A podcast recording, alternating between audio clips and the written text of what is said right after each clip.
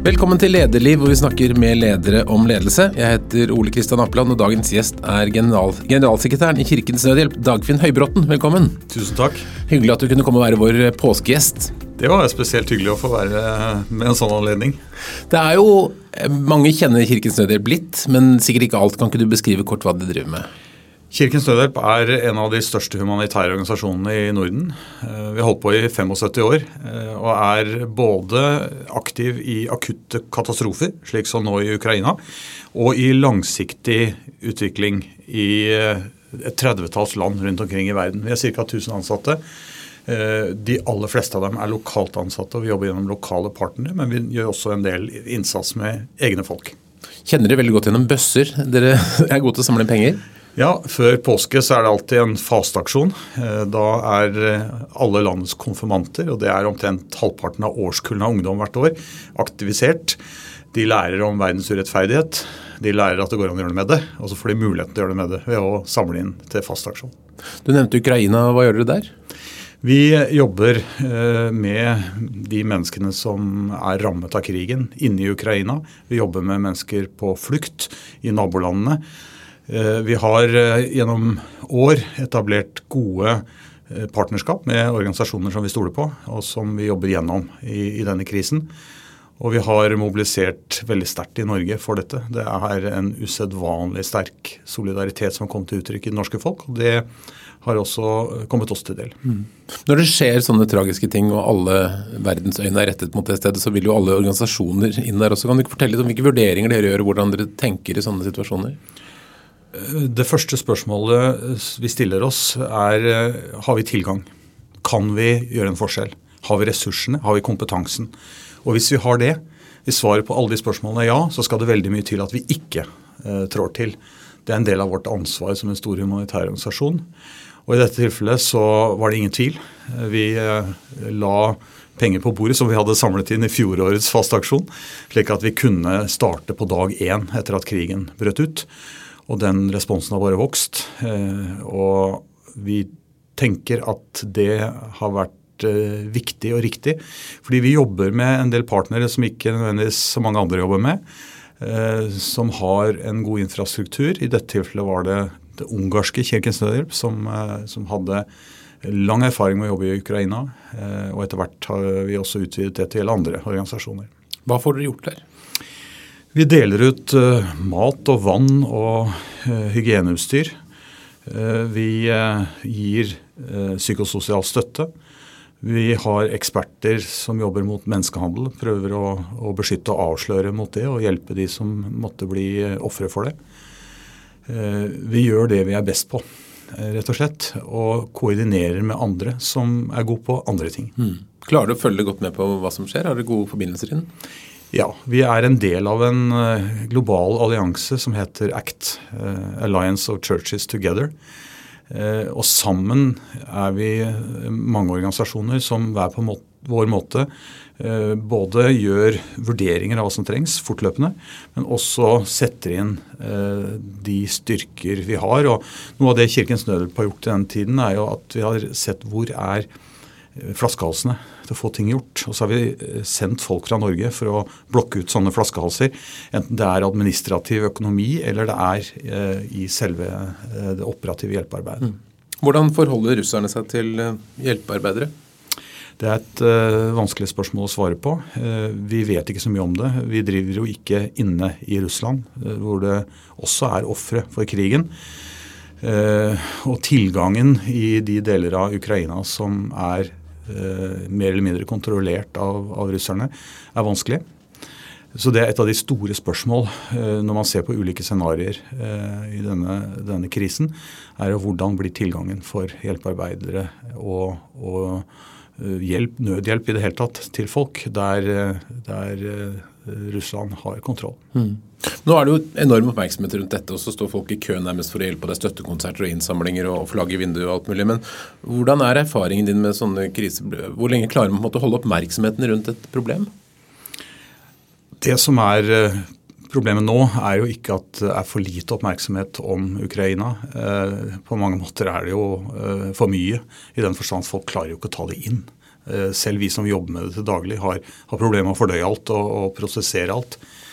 Det som er hovedproblemet, er jo de krisene som pågår mens dette skjer, og som kommer i bakgrunnen. Mm. Og vi er jo i mange av de krisene. Det er i Afghanistan, hvor en overhengende eh, sultkatastrofe er under utvikling eh, fordi eh, systemet har kollapset og, og, og pengestrømmene eh, kan ikke gå de vanlige veier. Eh, vi er på Afrikas Horn, der det er eh, en tiltagende tørkekatastrofe som dels skyldes krig og konflikt, dels skyldes eh, klimaendringer. For å nevne et par eksempler. Og så kommer Ukraina og effekten av det oppå disse krisene i disse landene. Brødprisen i Malawi tredoblet seg denne uken. Og drivstoffprisene tar jo kvelertak på, og veldig mye aktivitet i, i disse kriserammede landene. Så utfordringen er egentlig å holde fokus på flere ting samtidig. Og så tror jeg at uh, denne Ukraina-krisen er av en slik karakter at den vil følge oss i lang tid framover. Uh, og at det som blir viktig, er å, å respondere godt uh, ute. Og etter hvert vil vi jo få en stor jobb hjemme. Eh, med å være gode, eh, et godt land å komme til for de som søker tilflukt her. Mm. Du har en veldig imponerende CV. Eh, det er sånn, Jeg skal nesten ikke lese på alt, men jeg tror de fleste husker deg som helseminister og arbeidsminister. og så har Du vært, du starta som formann i KrFU, du har vært direktør i Kommunesentralforbundet, rådene Oppegård, trygdedirektør, statsrådsstillinger, da, leder av KrF, stortingsrepresentant, generalsekretær i Norges minister. Veldig, veldig mange, mange ting. Har du alltid vært leder? Kona mi sier det, at du starta jo som leder i skolelaget på KG i sin tid, og siden har du vært leder. Eh, jeg har eh, jobbet i helt alminnelige jobber. Jeg startet i Kommunesentralforbund i en konsulentstilling. Jeg var rådgiver for eh, kirkeundervisningsministeren. Det var ikke noe lederjobb akkurat. Men det har nok vært en rød tråd i livet mitt. Eh, jeg har trivdes med å lede og mobilisere folk for eh, viktige saker. Og mm, etter hvert har jo det blitt eh, det jeg er, på en mm. måte.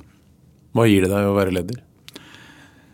Det gir meg uh, utrolig mye i, på det menneskelige plan. Fordi at uh, jeg tror skal du være en god leder, så må du være glad i folk. Og være glad i å jobbe sammen med folk. og være entusiastisk glad for å oppnå noe sammen med andre. Så det gir meg masse energi. Så er jeg en type leder som er opptatt av å jobbe kunnskapsbasert. Dvs. Si, vi må vite hva vi skal og, og, hvordan vi kommer dit, før vi liksom bare setter i gang. Og så må vi sette mål, gjerne et djerve mål, og så må vi holde ut til vi når dem. Mm. Og det å, å ha gjort det, har, har gjort eh, et grundig forarbeid og har satt djerve mål, og så nå dem, det har jeg veldig stor glede av. Du har jo vært altså, første lederveien på CV-en er på, på 70-tallet. Hvis, hvis, hvis, du prøver å se det som samfunnsperspektiv, hvordan har lederrollen og synet på ledelse utviklet seg i, den, i alle de tiårene? Det er jo blitt et uh, samfunn hvor, hvor uh, kunnskapen sitter i organisasjonene og ikke på toppen i organisasjonene. Det var nok sånn også da jeg startet som leder, men det er blitt mye mer sånn. Og Det betyr at respekten for fagligheten, for det, den kompetansen folk har med seg, det som sitter mellom ørene på folk, den er helt avgjørende, sånn som samfunnet er, har utviklet seg. Og så tror jeg man ofte øh, glemmer at det er noe som ikke endrer seg. Og det er menneskets hjerter. Eh, Sigrid Undset har sagt noe om det. Altså det at uh, mennesket gjennom sitt arbeid søker mening.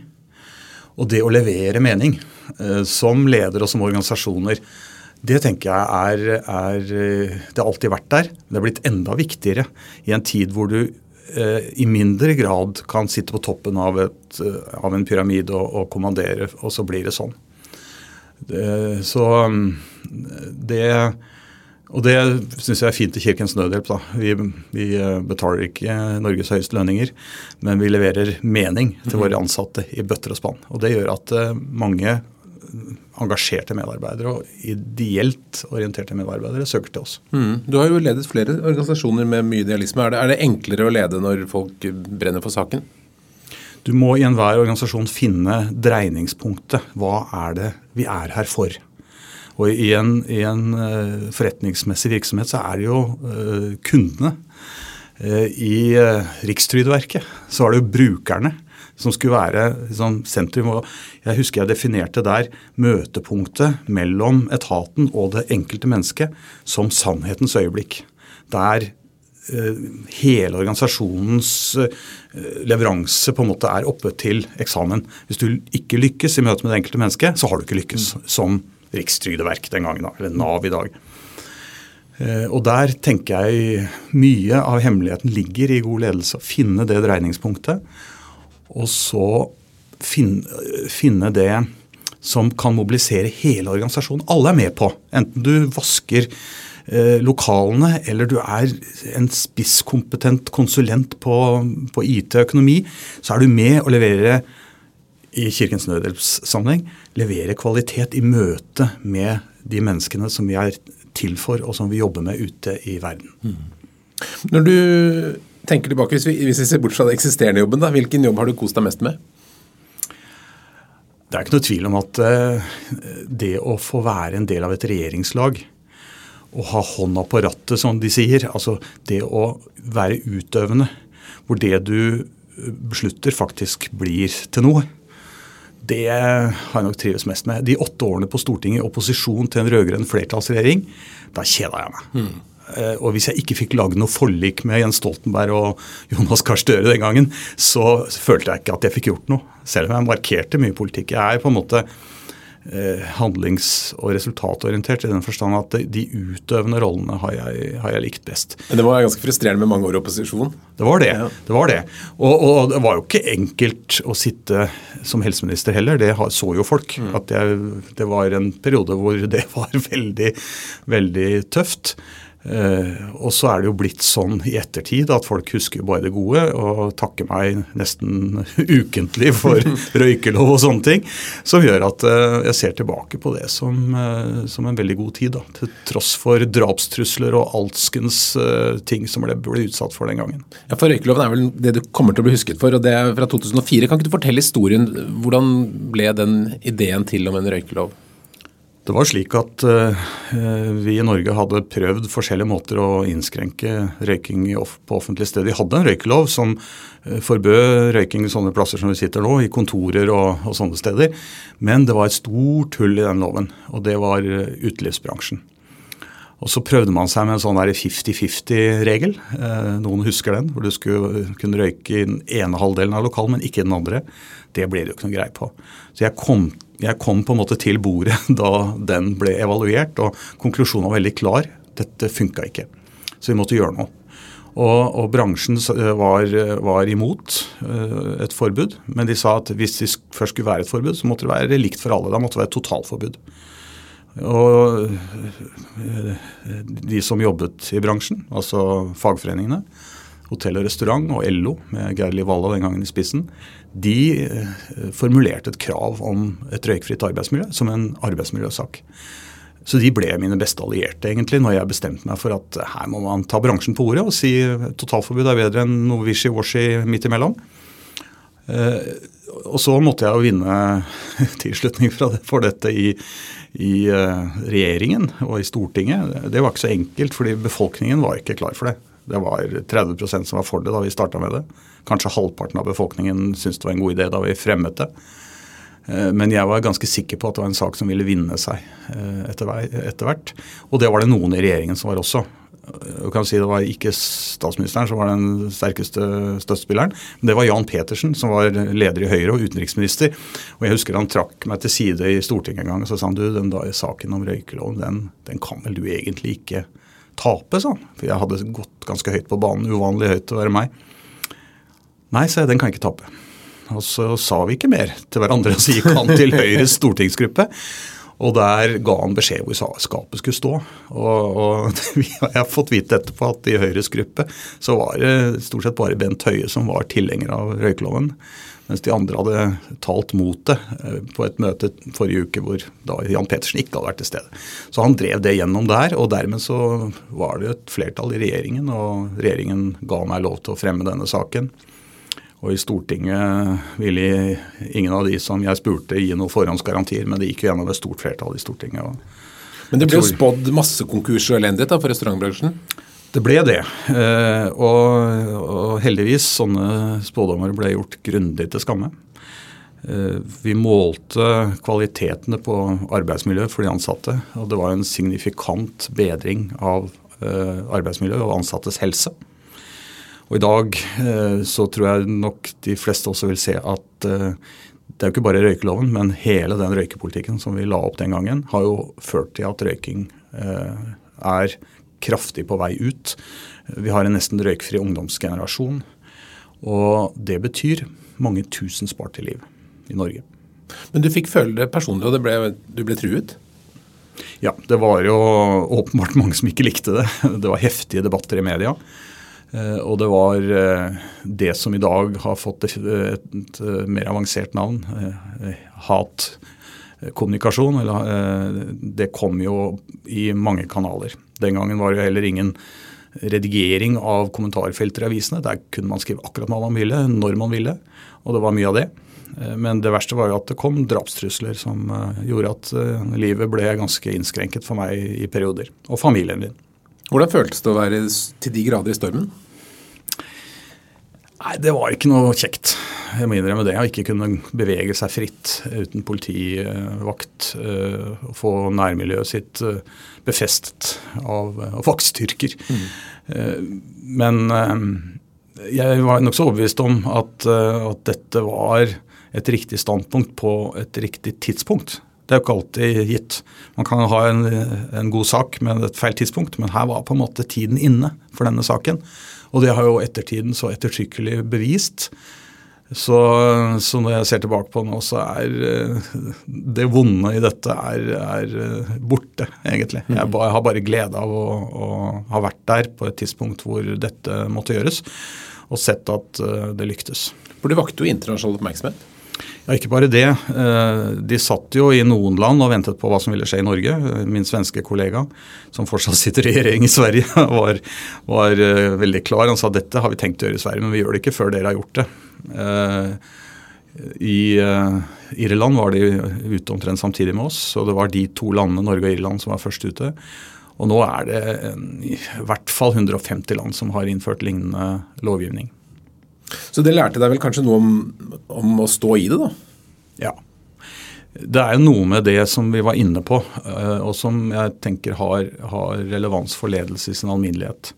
Eh, å jobbe kunnskapsbasert.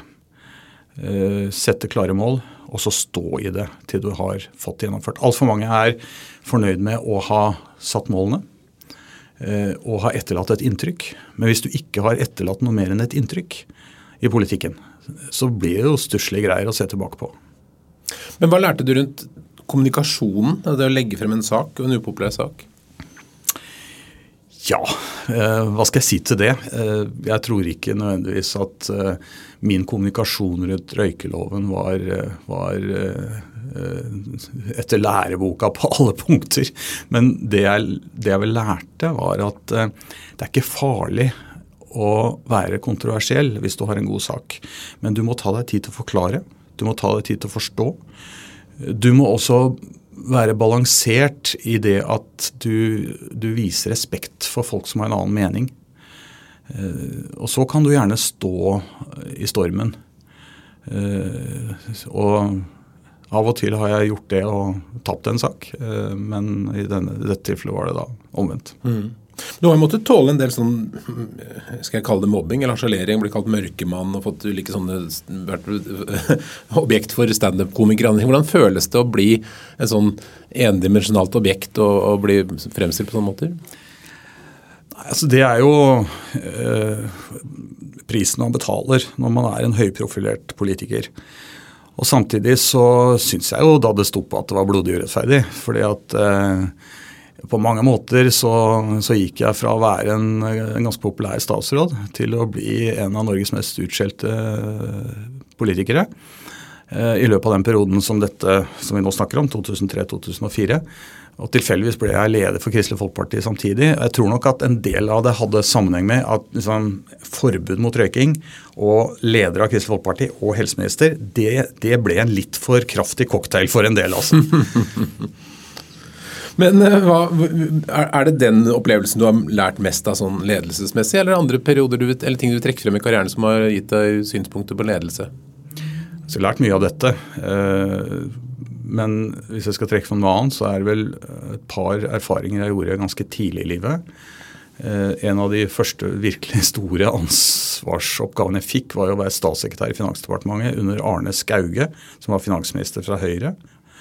Og um, vi hadde noe, vi følte hverandre litt på tennene i starten, husker jeg. Men etter hvert så fant vi tonen, og han uh, kalte meg og den andre statssekretæren inn og sa jeg stoler på dere.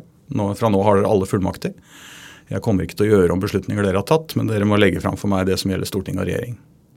Det var jo en kjempetillitserklæring til en ung mann på 32 år. Uh, jeg skjønte plutselig at mitt ord telte. Og i det lærte jeg noe om kraften i å gi folk ansvar og tillit. Men også betydningen av å følge opp og, og, og følge med. Og jeg vokste mer på det året jeg var statssekretær i Finansdepartementet enn jeg har gjort på mange andre år i mitt liv. Nettopp fordi jeg ble vist tillit og lærte noe om det der eh, kraften i å, å jobbe gjennom andre. Det andre som jeg lærte i tidlig fase som leder, det var at det er viktig å lede én-til-én. Eh, relasjoner er helt sentralt i ledelse. Men det går an eh, å lede mange. Du må bare være oppmerksom på at du trenger andre verktøy i verktøykassen når du skal lede mange som kompenserer for det. At du ikke kan sitte ansikt til ansikt med alle 1400 mm. ansatte i Oppegård kommune der jeg var rådmann, eller alle de 8000 i Rikstrygdverket der jeg var direktør. Og, og, det jeg gjorde den gangen, eh, det kan sikkert gjøres på mange andre måter, men jeg reiste rundt og hilste på alle 1400 da jeg ble rådmann. Besøkte alle arbeidsstedene, gikk gjennom guttedusjen på Tårnåsen skole og alle de der stedene som jeg hadde bare hørt om og lest om i dokumenter. Og jeg hilste i løpet av det første året som trygdedirektør hilste jeg på 2000 av de 8000. Eh, så jeg lærte noe om at du må, du må, skape den nærheten som du ikke kan ha til daglig på, med ulike verktøy. Nå er det blitt flere verktøy, mm. digitale verktøy, mm. som gjør det enklere. Nå leder jeg mennesker som er i 30 forskjellige land, og gjennom pandemien er de kommet mye tettere på meg enn de var før. Så det, men det er noe av, av det å lede få som du må ha med deg inn når du leder mange. Mm. Og det er at du må, du må vise både respekt, du må vise engasjement. Du må vise folk at de er en del av et lag, og at det betyr noe for deg som leder. Eh, at de er med på det laget og bidrar på det laget. Du har fulgt med på norsk politikk og samfunnsliv i, over 40 år ganske tett. Er det noen politikere som du trekker frem som du oppfatter som veldig store ledere? Den, det er jo en generasjon dere snakker om? Ja, eh, det, det er definitivt eh, folk jeg har jobbet tett på, som, eh, som står for meg som, som forbilder på mange måter. Ikke i ett og alt. Jeg tror ikke på forbilder som er perfekte. Men jeg, det er ikke noe tvil om Se på CV-en min, jeg har jobbet tett med Kjell Magne Bondevik lenge før han ble statsminister, og i de årene han var statsminister. Og han har betydd mye for hvem jeg er som leder. Uh, jeg har lært mye av hans måte å, å, bringe folk sammen og skape felles konklusjoner når det ellers er eh, vanskelig å bli enig. Han klarte å bli statsminister ennå et bitte lite parti? Ja, ja, og de sa jo at det var en vits. Eh, og at vitsen ikke blir noe bedre hvis den fikk sitte rundt kongens bord en 14 dagers tid, og så ble det to og et halvt år. Så må jeg på den andre siden av spekteret. Men, men hva, hva, var bra med han? Altså, hva var hans store leder? jeg tror det å, å, dra sammen folk til felles konklusjoner som alle kan leve med. Og, og det, det, er jo kompromissets kunst. En annen som har vært god på det, er Jens Stoltenberg, som jeg jo jobbet med i opposisjon, men, men har gjennom hele den tiden og fortsatt har veldig stor tillit til som leder. Um, og ser at, eh, at eh, Jonas Gahr Støre, som nå er statsminister, eh, har noen av de samme kvalitetene. Og det gleder meg at hans kvaliteter kommer mer fram i en krisetid mm. som nå, enn det kanskje har gjort i hans tid som opposisjonsleder. Så det, det å, å være i toppen og ha ansvar på gode og vonde dager, det, det former jo folk. Det ruster folk eh, for det som kommer. Og eh, jeg hører jo, som, hører jo til de som, eh, som syns at debatten om utnevnelse av sentralbanksjef var litt tøysete, fordi at det ble jo stilt spørsmål ved Stoltenbergs lederegenskaper. Altså Dette med kjønn er jo viktig. Så det er en egen, egen dimensjon. Men, men jeg syns mye av den debatten ble veldig tøyste. Og jeg syns at i ettertid, når vi ser hvordan den mannens lederegenskaper trengs i hele verden i dag, så, så er jeg litt pinlig berørt på den uh, litt uh, provinsielle debatten vi hadde i mm. Norge rundt det. Men er det på en måte lettere å være en god leder når det er ordentlig vanskelig, når det er krise? For noen er det nok det.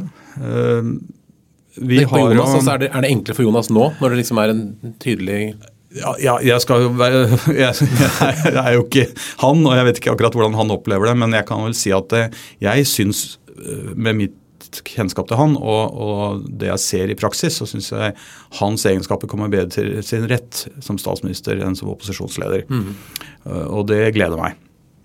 Så, så vil jeg si at ja, jeg tror at noen gjør det bedre i krisetider Eh, enn en i uh, rolige tider. Winston Churchill er på en måte eksempelet på det over alle eksempler. Men jeg, jeg, kjenner for egen del også at uh, det er jo noe skjerpende ved det å sette en krisestab, som vi dessverre i Kirkens Nødhjelp har måttet gjøre ganske mange ganger de siste uh, månedene. Hvor, hvor, fokuset blir veldig skjerpet.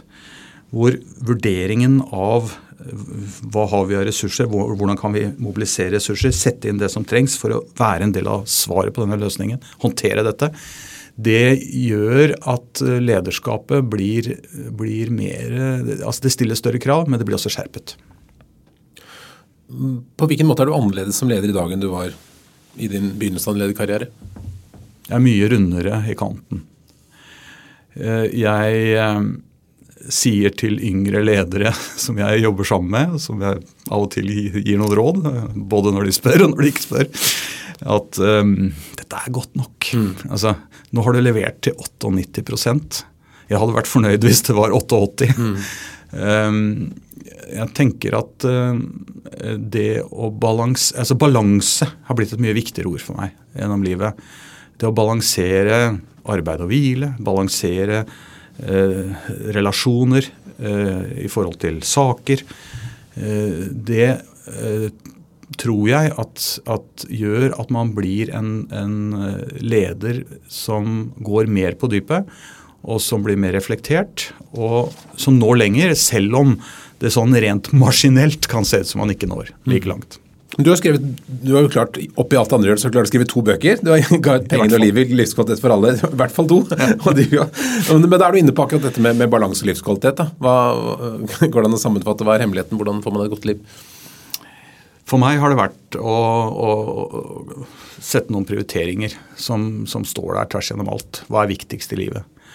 Ikke pengene, da, kanskje ut fra tittelen? Nei, nei det, det, er faktisk viktig å ha tilstrekkelig, men, men, eh, det kan være et problem å ha for mye. Mm. Men, men, det som er, eh, Jeg lærte tidlig, fordi eh, jeg mistet faren min da jeg var rett over 30 år. Han var en god venn, en god kollega i politikken. Vi hadde et veldig, en kjemperelasjon, og det skjedde veldig brått. Jeg fikk ikke tatt farvel. Og så gikk jeg inn i en krise hvor jeg virkelig måtte Jeg ble rystet i hva som er viktigst i livet. Og, og, tenkte jeg vet jo ikke om jeg lever i morgen. Hva er viktigst? Jo, det er mine nærmeste relasjoner. Og for meg så er jo også troen mm. eh, viktigst, ikke sant. Eh, og relasjonen til mine nærmeste, kona mi, barna mine, barnebarna nå. Eh, alt er viktigere enn jobben. Og så kommer det situasjoner i livet hvor, hvor disse prioriteringene settes opp mot hverandre, og hvor jobben krever sitt. Og Da kan du ikke bare si at nei, men jobben er nummer tre på lista. Men det kan hende at det over tid blir en fundamental konflikt mellom det jobben krever og det disse relasjonene krever. Og da er valget mitt tatt.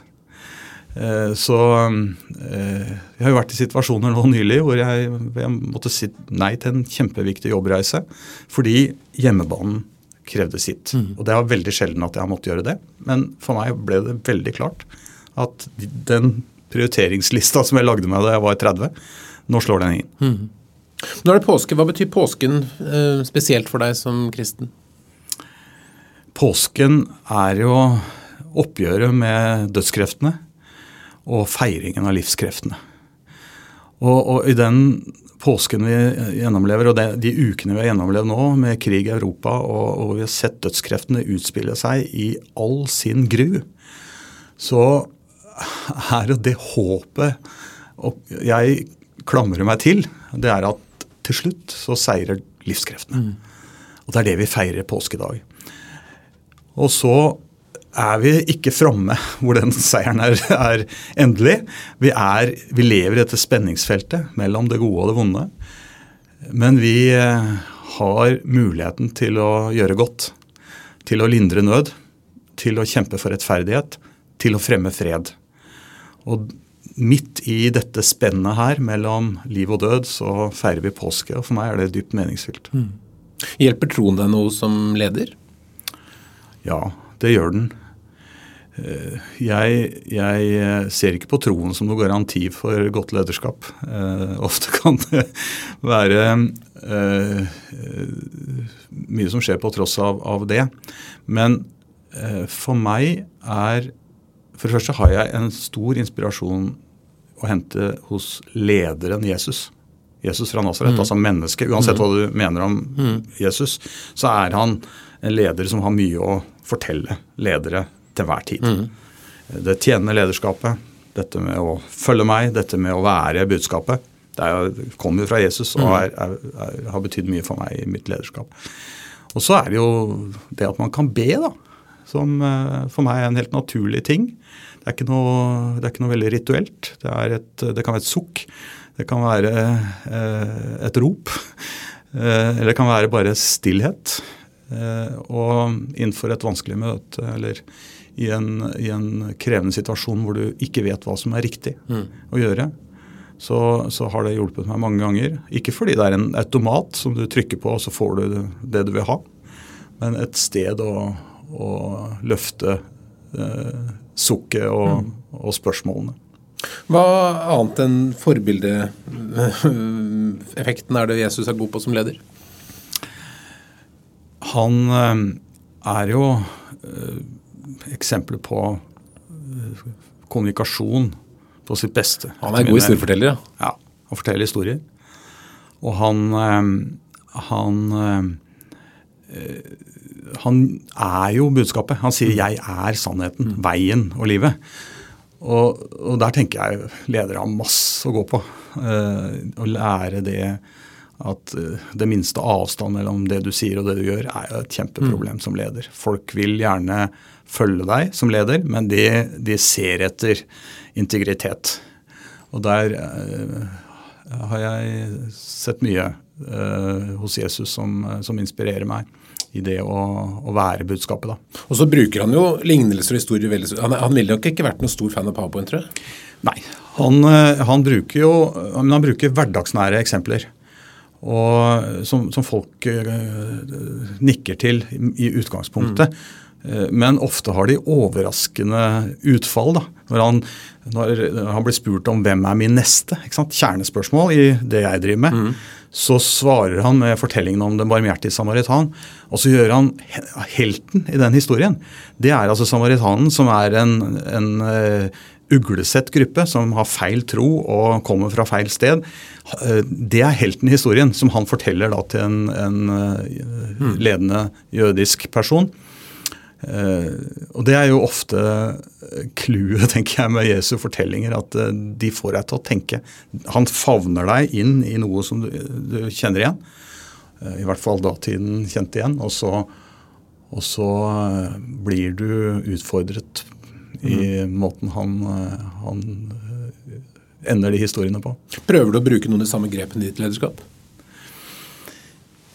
Ja, det, det, gjør jeg nok eh, bevisst eller ubevisst. Det er ikke slik at jeg liksom går etter den metoden og tenker at nå skal jeg gjøre akkurat sånn som Jesus gjorde. Nei, nei jeg, tror ikke det, jeg tror ikke det blir så vellykket.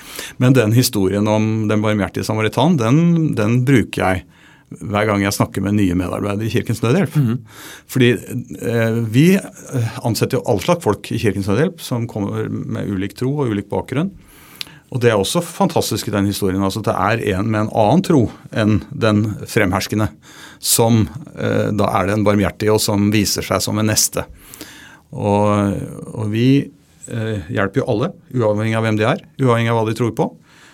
Vi engasjerer også folk som eh, tror forskjellig, til å gjøre den eh, oppgaven, det oppdraget. Eh, når de da er lojale mot det, det grunnlaget vi har. Og det, det, tenker jeg det er i hvert fall én måte jeg bruker Jesu fortellinger på. Mm.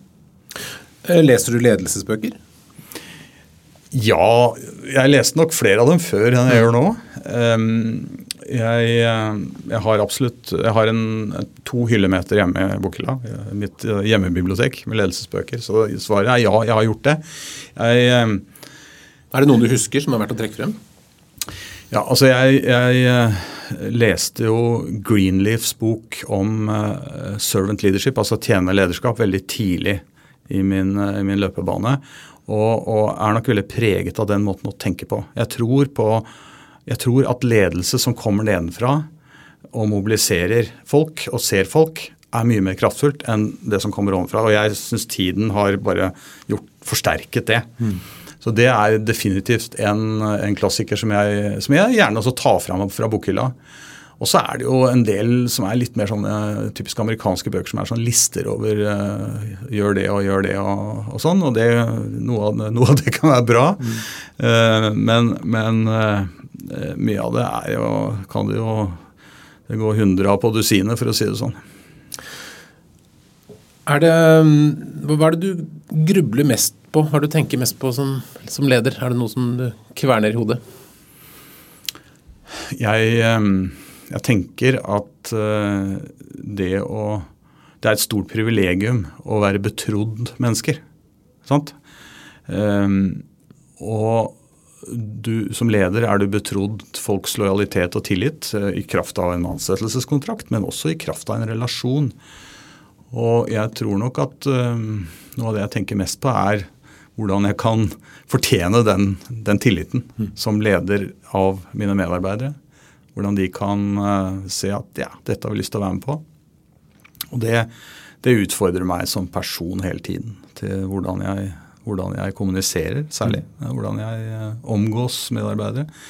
Og, og, jeg skal betro deg at jeg har jeg har hatt det vanskelig under pandemien med ikke å møte folk. Mm. Jeg er av de ledere som ikke tror at alt kan gjøres på Teams, og at det er samme hvor folk sitter hen. Ehm, jeg tror at det å møtes ansikt til ansikt har noen helt spesielle kvaliteter, i hvert fall den type virksomhet jeg leder, som ikke kan erstattes. Ehm, og Derfor er jeg veldig glad for gjenåpningen og mm. muligheten til å lede eh, med folk i rommet mennesker av kjøtt og blod foran meg. Mm, mm. Det kan være ensomt også å være på toppen. Føler du på det noen ganger? Det eh, har jeg eh, erfart. Eh, fordi det er noen ting du ikke kan snakke med noen andre om. Eh, I hvert fall ikke i din egen organisasjon. For meg har jeg løst det ved at jeg alltid har hatt en eh, coach eller en mentor. Jeg hadde det til og med da jeg var statsråd. Mm. Fordi det å få lufte seg, det å få, få, Det er ikke alltid du trenger å få så mye innspill, men du trenger rett og slett å få det sagt og få det ventilert, og at noen hører på deg. Mm. I fortrolighet, selvfølgelig. Så det har Det er hvordan bruker, man, hvordan bruker man en coach eller mentor på en veldig god måte? Det tror jeg er veldig individuelt. Det jeg har hatt nytte av, er, er når jeg har vært i vanskelige situasjoner og hatt en coach på armlengdes avstand. Altså en jeg har eh, hatt avtale om å kunne ringe til når som helst. Og i perioder har jeg ikke brukt det i det hele tatt. Og så har det vært perioder hvor jeg har brukt det litt mer intenst. Og så har, jeg, har det jo gjennom det også eh, tilflytt meg eh, gode råd og tips av praktisk art. altså.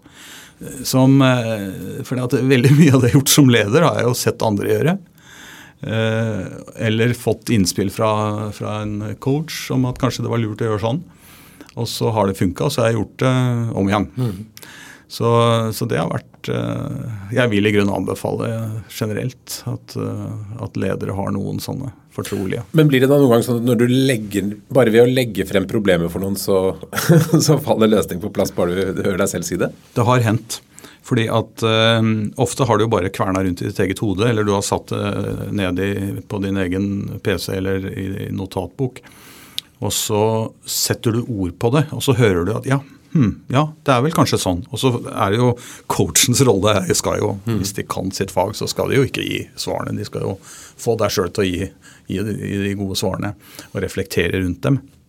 Så det har absolutt hendt at jeg har, jeg har tenkt her var det ikke mye du hadde å bidra med, men jeg, jeg, kom, faktisk, jeg kom faktisk videre. Ja, ja.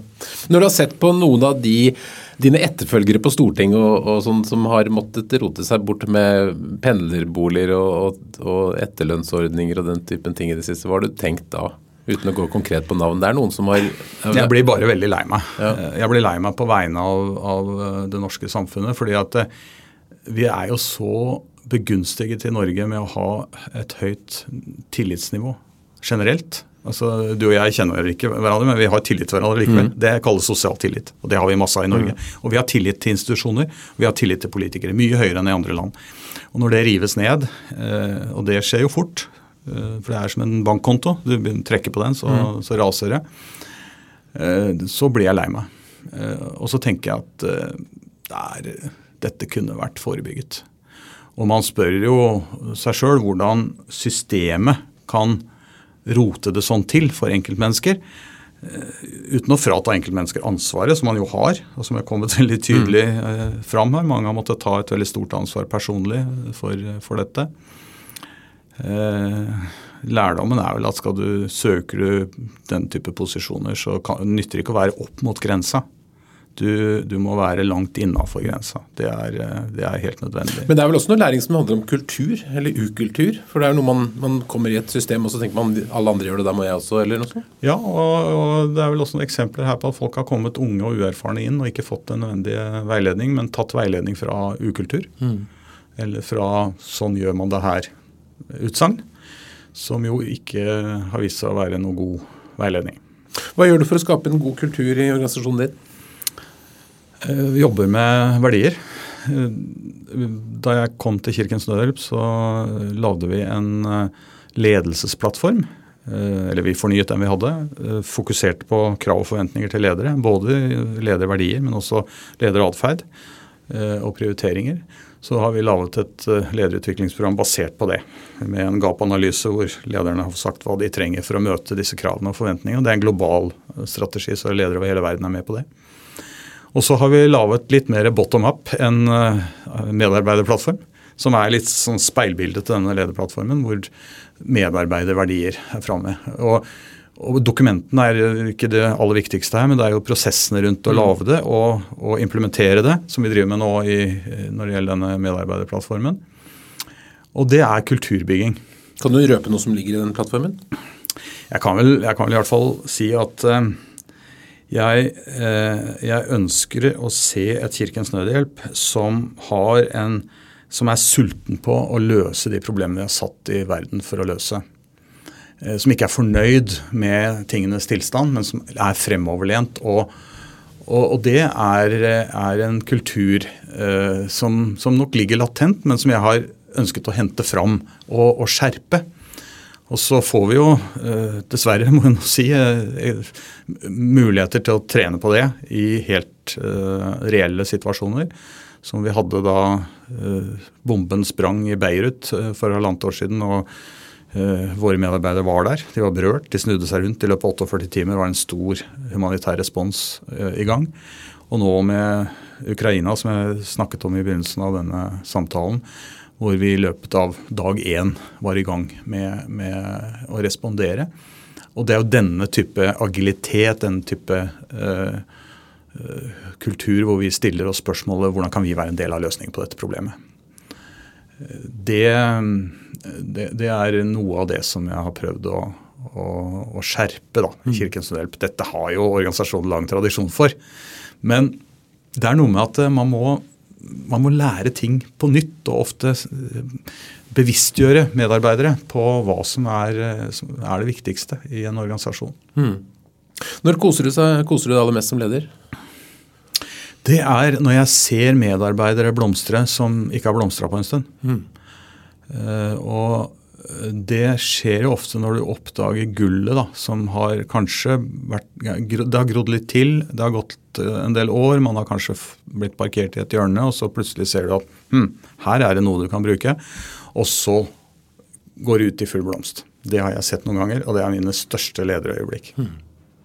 Helt til slutt, Hvis det kommer en ung person til deg og sier jeg vil bli en god leder, jeg vil bli sånn som deg, Dagfinn, hvilke tre lederråd vil du gi? Ja, jeg vil vel eh, stille noen spørsmål mer enn å gi råd, tror jeg. Eh, jeg vil prøve å finne ut om den personen er glad i mennesker. Og, og kan gledes ved at andre lykkes. Det tenker jeg er en viktig forutsetning for å bli en god leder. Ehm, så vil jeg prøve å finne ut om, om den personen har, har interesse for å tenke i lange linjer, altså strategisk, i flere trekk. Hva skjer hvis sånn og sånn? Og i tillegg om vedkommende ser Eh, forskjellen på det og det også være operativ. Eh, og handle konkret. Jeg, nå blir man jo farget av den man selv er, men jeg, de beste lederne jeg har jobbet med, det er de som elsker folk, som eh, er i stand til å tenke flere trekk, og som samtidig skjønner at nå er tiden inne for å handle, og er i stand til å få det gjennomført. Og har man det med seg, så vil jeg si jeg støtter deg, jeg vil gjerne heie på deg. Eh, være med på laget, skal vi se om du kan få en ledermulighet en gang. Fint påskebudskap. Dagfinn Høybråten, tusen takk for at du kom til Lederliv.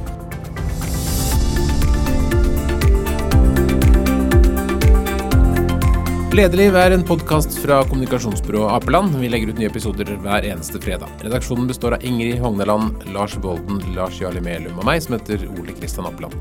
Tusen takk for hyggelige tilbakemeldinger og tips om ledere. Bare fortsett å sende til oleetapeland.no.